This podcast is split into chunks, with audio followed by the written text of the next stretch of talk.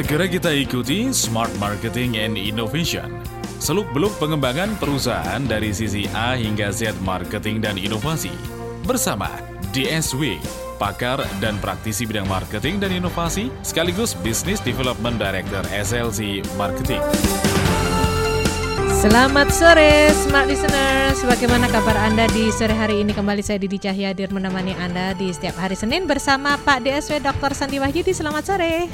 Selamat sore Mbak Didi, selamat sore Smart Listeners. Kita minggu lalu bicara masih tentang metode market research ya? Yes, uh, Minggu lalu. Topik kita masih sama New Uh-uh. Insight for New Growth Oke. ya Bagaimana mencari insight baru untuk pertumbuhan baru di perusahaan kita uh, Mbak Didi. Nah tema bulan ini lebih fokus pada bagaimana kita melakukan riset pasar. Mm-mm. Karena ma- pasar ini kan cepat berubah. Mm-mm. Kalau kita nggak keep keep up ya dengan catch up dengan perubahan pasar kita bisa tertinggal. Ya. Tertinggal oleh siapa oleh pesaing yang melakukan riset pasar Mm-mm. karena mereka lebih tahu data. Jangan sampai itu terjadi sama perusahaan kita. Kurang lebih fokus kita diskusi hari ini, Mbak Didi lebih kepada kalau yang minggu lalu masih ingat tentang apa? Metode-metodenya ya. Kuali kuali kuanti, Uh-uh. kemudian uh, fokus group discussion, Ya. interview, survei kan gitu ya. Nah, untuk Senin kali ini ada tiga skop kerja dari riset itu fungsinya apa? Hmm. Ya, hasil outcome-nya kira-kira setelah riset buat apa gitu kan. Mm-mm. Ada tiga yang kita mau bahas yaitu Yaitu? product development Mm-mm. khususnya kalau kita mau kembangin produk baru atau bikin bisnis baru, Mm-mm. ekspansi, ya, kita perlu lakukan riset. Oke Jadi fokus outcome dari riset ini adalah untuk membantu produk launching ini berhasil kira-kira atau bisnis ekspansi kita berhasil.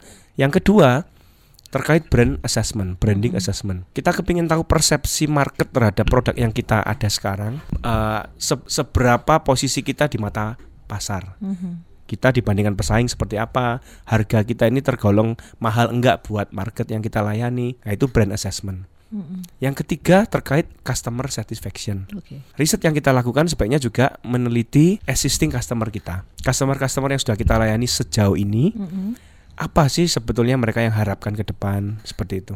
Kemudian bagaimana membuat mereka lebih loyal supaya enggak selingkuh ke pesaing kita. Outcome yang ketiga ini yang kita nanti diskusikan. Ya karena yang biasanya bersinggungan langsung kerasa itu yang ketiga ya Betul. Product development itu kan internal kita mikir kita Internal. mau bikin produk apa nih gitu ya. Ah. Branding assessment juga biasanya internal Ex- strategi internal Ya, artinya eksternal Ah, ah. yang tidak terkait ya, langsung. ah, ah, kan. maksudnya oh ya customer nggak nggak usah inilah tahu Ah, ah. strategi kita lah Betul. gitu ya. Tapi dari dua yang di atas itu ujung-ujungnya customer customer satisfaction kita harus tahu Ya. nih. Oke, baik. Itu yang menjadi eh, fokus kita di sore hari ini masih di New Insight for New Growth. Minggu lalu kita tentang metodenya. metodenya Sekarang kita tentang Outcome-nya. ini outcome-nya mau ke mana research Mm-mm. ini mau di- dibawa ke mana dilakukan. menghasilkan apa jadi tujuan riset itu harus ditentukan di awal memang mbak Didi baru bicara metodenya Hmm, nah, gitu memang ya. sedikit kebalik kemarin kan kita belajar metodenya dulu Betul. Sebenarnya metode apa pun bisa untuk digunakan Mm-mm. tujuan apa pun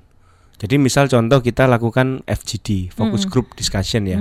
Bisa untuk tujuannya product development bisa Mm-mm. bisa untuk yang brand assessment bisa bisa untuk yang customer satisfaction juga bisa Mhm. Jadi tujuannya itu nanti eh, aplikasinya ke pertanyaan-pertanyaannya sebetulnya. Ya. Metodenya bisa semua. Oke. Lebih ke menjurus eh, pertanyaan apa yang akan dilemparkan. apakah lebih ke produk, Uh-uh. apakah ke uh, uh, brandnya tuh mereka aware nggak dengan brand ini, Mm-mm. apakah mereka puas nggak dengan Layanannya. brand dan layanan ini. Oke. Jadi di Jenis- pertanyaannya di ya. pertanyaannya dan teknik galinya nanti. Hmm, Mm-hmm. Hmm, Nah, sekarang kalau yang pertama kan product development ya. Eh, banyak sekali pelaku bisnis itu terkadang nggak terlalu pede dengan idenya sendiri. Hmm. Maka kan perlu judgement dari pihak eksternal, pihak luar gitu ya. Hmm. Atau dari eh, apa opini customernya sendiri atau calon konsumennya. atau calon konsumen. Karena barangnya belum ada. karena barangnya belum ada. Oke. Nah, maka perlu dilakukan eh, survei pasar, riset pasar. Apalagi dia belum pernah main di bidang itu, belum main pernah di kategori produk tersebut, Mbak Didi.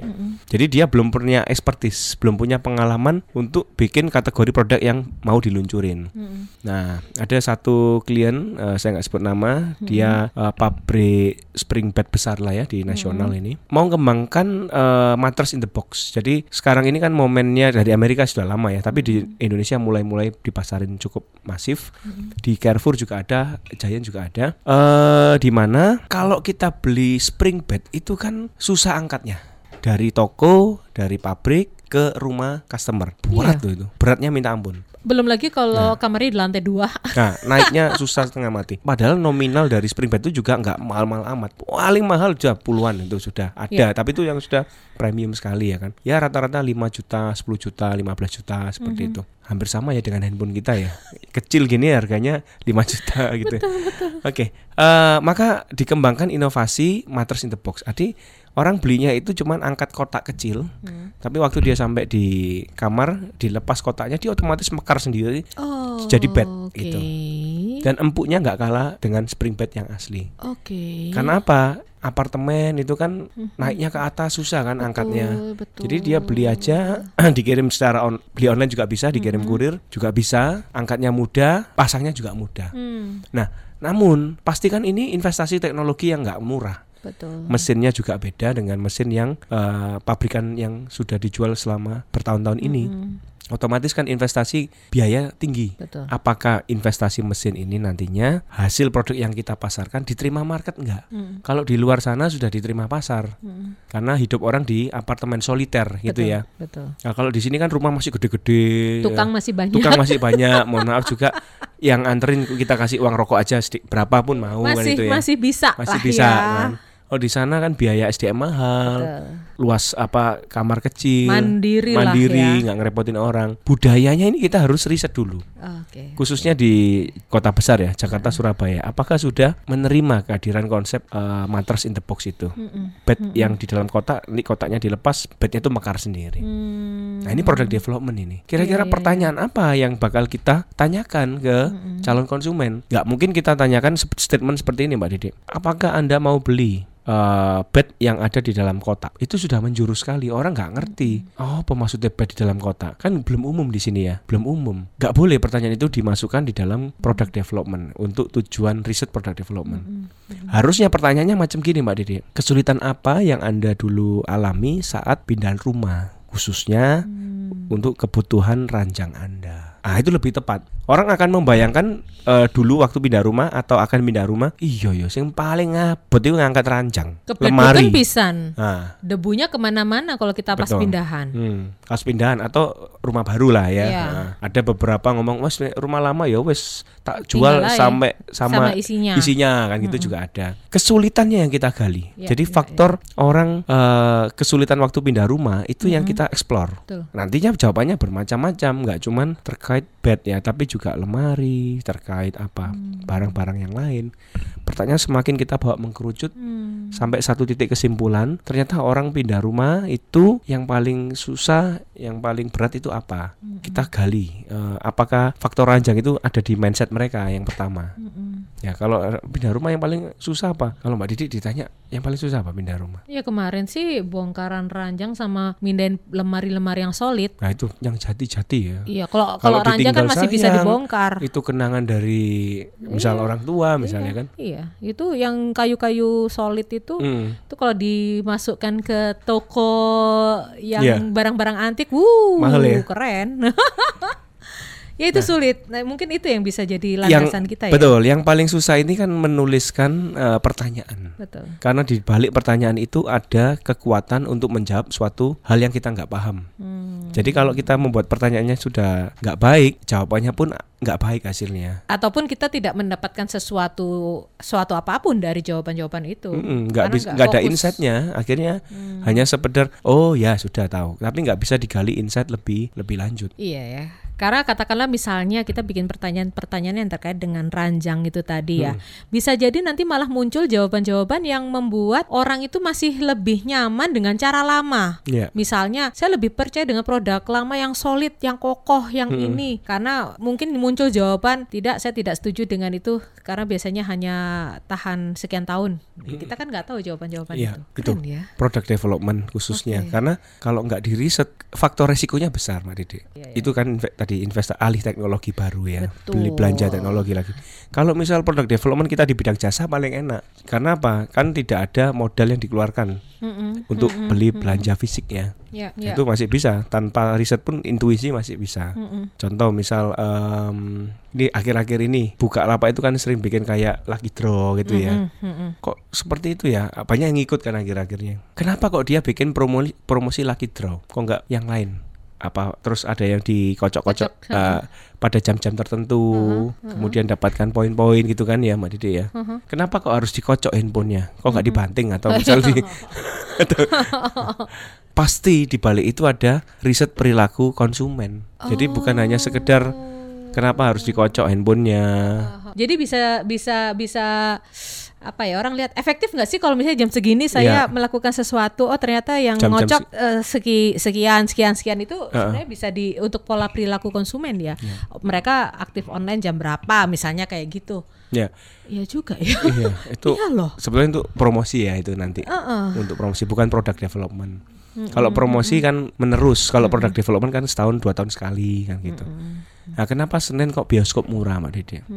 Hari biasa kok harga normal. Kenapa kok cuman Senin? XS1 biasa Senin kan lebih murah gitu ya. Karena Senin kan mall sepi gitu. Iya. Paling sepinya mall katanya Senin gitu ya. Daripada sudah nggak dapat omset, harga lebih murah murah. Itu kan membuat keputusan promosi juga berdasarkan data. Kayak umum lah ya. Ada happy hour, istilah happy hour jam-jam siang, happy hour. Karaoke karaoke kan siang, kalau malam kan harga normal karena siang ternyata para pekerja masih bisnis, anak-anak sekolah masih sekolah gitu kan. Tapi kan operasional mall tetap harus buka, listrik harus tetap nyala. Iya. Daripada nggak ada pemasukan, udah happy hour. Jadi konsep-konsep itu kan berdasar data semua, betul bukan asal ide tanpa ada data. Mungkin eh, perlu Anda lakukan research, market research yang ya peruntukannya apa dulu nih? Apakah mau ke product development, mau ke branding assessment atau mau ke customer satisfaction? Ya kali-kali aja lagi buntu ya Pak DSW ya. Iya, betul. Di pertengahan tahun ini Anda, aduh ini kok stuck ya, ini ada apa? Nggak ada salahnya kalau Anda melakukan ini supaya mendapatkan new insight. Siapa tahu ada sesuatu yang belum terendus selama ini. Padahal itu bermanfaat untuk uh, pertumbuhan bisnis kita. Masih bersama Pak DSW Dr. Sandi Wahyudi di Smart Marketing and Innovation. Hmm. Hmm. Ini berarti kalau minggu lalu kita bicara metode, sekarang kita bicara tentang tujuannya ya. Iya, Kita outcome-nya. melakukan outcome-nya.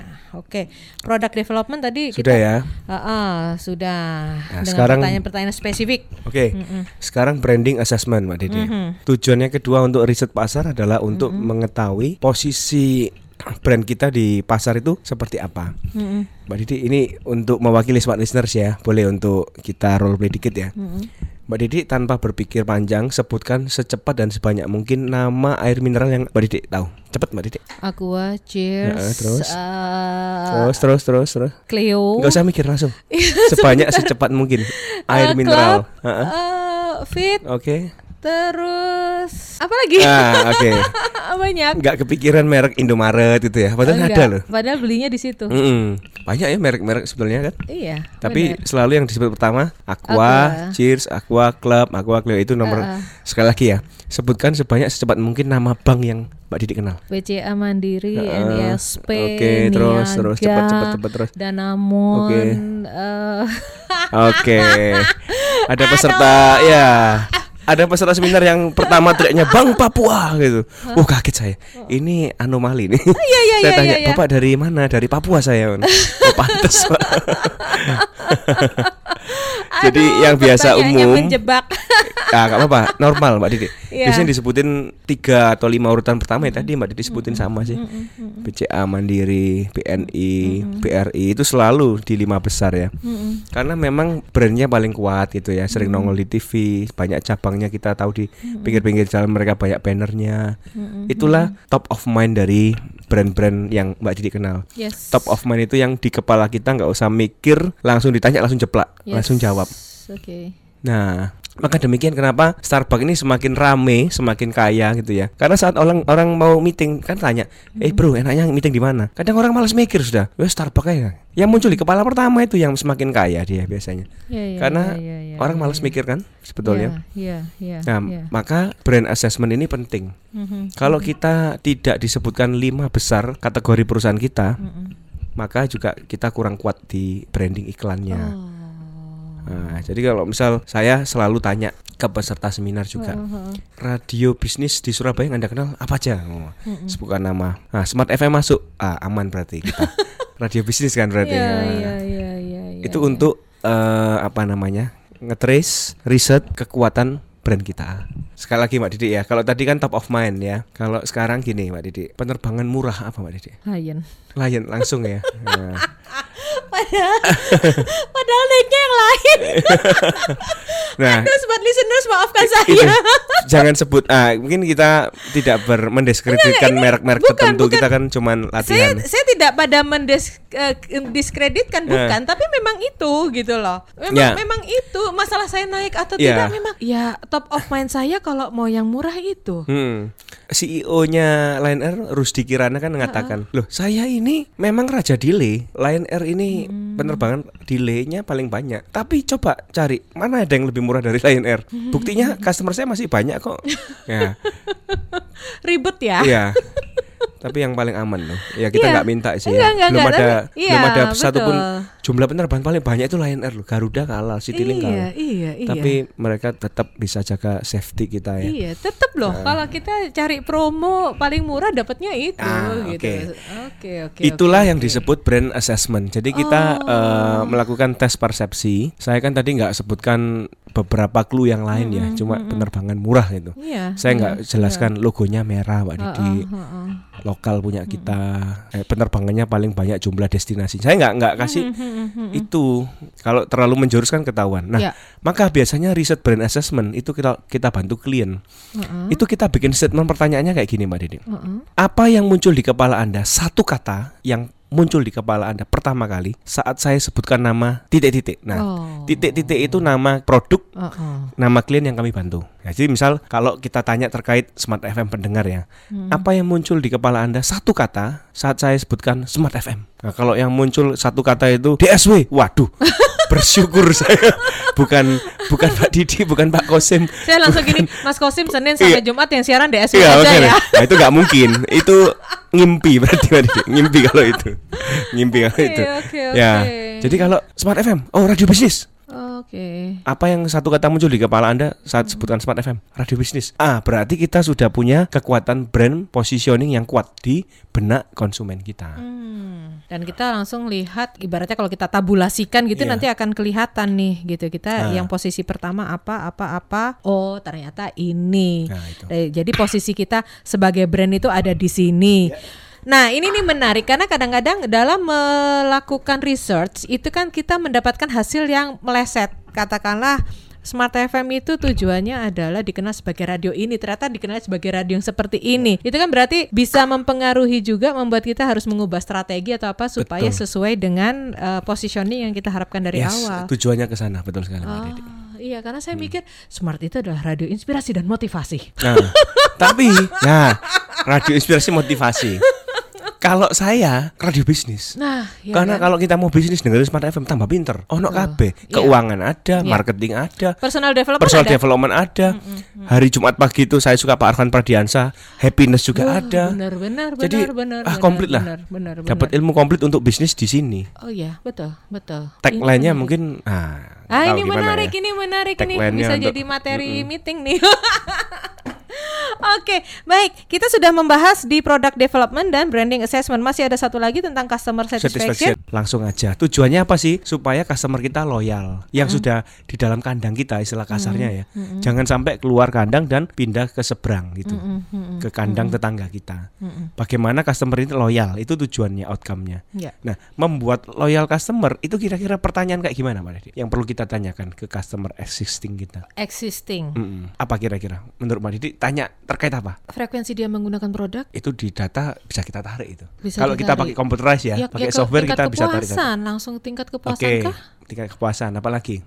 Oh, Bagus tingkat kepuasan. lagi ya Pak? Nah, mau nggak merekomendasikan ke kawan Anda? Oh, Mereferensikan ke rekan Anda? Oh jadi referral ini masuk ke ini ya? Iya. Karena kalau dia puas, Pasti otomatis pasti dia mau. mau. Oh oke. Ya kan. Terus juga ditawarin, mau nggak mau ngasih testimoni yang positif baik di dunia maya viral kan? Mau memviralkan nggak gitu. Oh, Oke. Jadi lebih kepada membantu mereka jadi agent-agent ambasador kita juga sebetulnya. Jadi tidak semata-mata kamu puas nggak sih dengan pelayanan ini, tapi eh, secara kita langsung menarik garis yang lebih jauh. Lebih jauh untuk omset kan gitu. iya, mau nggak sih Iya. kamu me- merekomendasikan kami Iya. gitu kan? Oh baik gitu secara ya? offline maupun memviralkan secara online. Nah, Oke oke oke. Terus mau nggak mereka bersedia nggak kalau ada produk launching, produk baru, mereka jadi konsumen yang memberi masukan, feedback awal. Heeh. Jadi melibatkan mereka jadi eh, apa testing, user testing dulu. Iya iya iya iya iya iya. Market testingnya di orang-orang yang kita kenal dulu. Apakah Anda bersedia kami undang untuk menjadi eh, tester itu tadi ya? Betul. Oke. Itu pertanyaan kadang lupa kita gali. Jadi Iya, cuman ya. Sekedar tataran ya udah karena saya perusahaan sudah ISO harus customer survey saya lakukan tiap tahun sekali misalnya. Iya. Tapi nggak ada insight yang didapatkan dari kegiatan riset pasar itu. Hmm. Jadi memang harus didesain gimana atau juga tambahan nih promosi apa yang paling anda sukai sejauh ini. Nah itu kan mm-mm, mm-mm. kan mereka sering dapat promosi-promosi kan. Yang paling menarik buat mereka yang mana? Yang paling mereka interest. voucher, merchandise atau apa gitu ya? Oh. Nah. Kalau oke. kita sudah computerize, sebetulnya pertanyaan itu nggak usah lagi karena kita bisa tarik data Mm-mm. mana jumlah yang voucher yang terpakai, mana yang enggak, mana yang sudah voucher kita bagi, berapa jumlah yang dipakai atau enggak. Itu kan bisa tahu nomor vouchernya dikasih ke customer siapa. Kalau kita computerize sekali, kalau enggak kan kita perlu tanya secara manual. Saya pernah eh, di jadi gini, ada satu produk baru eh, soft lens gitu ya, yang saya dikirim oleh produsen. Testing dong, kamu coba rasakan seperti apa dan eh, publish di medsos kamu Hmm. gitu ya. Terus eh, ditanya juga sih sama apa namanya produsennya, rasanya gimana? Ini enak banget gitu. Memang ini sekali pakai seharian, tapi saya nggak perlu pakai tetes mata, bla bla bla bla bla bla. Ini dia sebenarnya masuk ke customer satisfaction ya, Iya, karena so- dia kan produk baru dan brandnya belum Nah, masuk. dan dia berinteraksi dengan data yang dia punya, customer yang datanya dia punya, email dia punya, nomor HP iya, dia punya, iya, iya. Sudah follower dan, dan seterusnya kan, bisa DM direct message kan. Eh, ini bisa kita gali untuk Oh, kegiatan oke. loyalty program. Misal kita mau bikin konsep membership, konsep program untuk poin gitu ya, poin-poin. Nah, libatin customer existing dulu. Oke. Jangan bikin ide program membership tapi kita nggak libatin customer yang sudah ada. Oke. Karena target market di depan mata kita itu jelas. Mereka yang sudah pernah beli produk kita yang baru mau jadi member. Nah, kita kan nggak bisa baru kenal orang belum beli produk kita langsung ditawari member. Orang males. Belum tentu produkmu bagus kok kamu nawarin aku hubungan jangka panjang. Jadi member itu kan jang- jangka panjang akhirnya. Eh bener Iya. loh. Saya pelanggan salah satu optik gitu ya, yang waktu saya transaksi sekian, saya dapat voucher sekian, lumayan tuh misalnya sekian ratus ribu gitu, saya cuma tinggal bayar tiga puluh ribu gitu ya. Berarti kan saya udah ada keterikatan gitu kan, suka gitu. Dan saya jadi member di situ dan saya mendapatkan informasi berkala melalui handphone, SMS, dan saya tertarik untuk membaca karena memang saya merasa saya anggota dari Iya. situ. Tapi untuk produk-produk lain yang saya ngerasa saya bukan member, itu kan ada tuh yang promo blasting itu ya. Annoying ya, maksudnya cuman- mengganggu kan gitu. Hmm, ya oke, ya oke. Saya justru sering terpengaruh itu kalau endorse by IG Story. Saya kemarin langsung spontan pesan makan eh, delivery service. Karena sudah ada interaksi sebelumnya. Iya, saya cuma lihat IG story-nya temen loh, kok ah, ternyata 17-an ada promo ini. Ternyata di handphone juga ada promonya. Tapi saya justru taunya di IG story. Dan yang posting itu teman baik Mbak Didi pasti. Iya, jadi wow. Jadi kadang-kadang kita supaya promosi kita nggak sia-sia kita harus tahu juga user kita siapa dan member utama itu yang Nah, kita. Permasalahannya di perusahaan itu nggak ada yang ngurusi hal-hal ini. Bisa kami bantu sih Mbak Didi.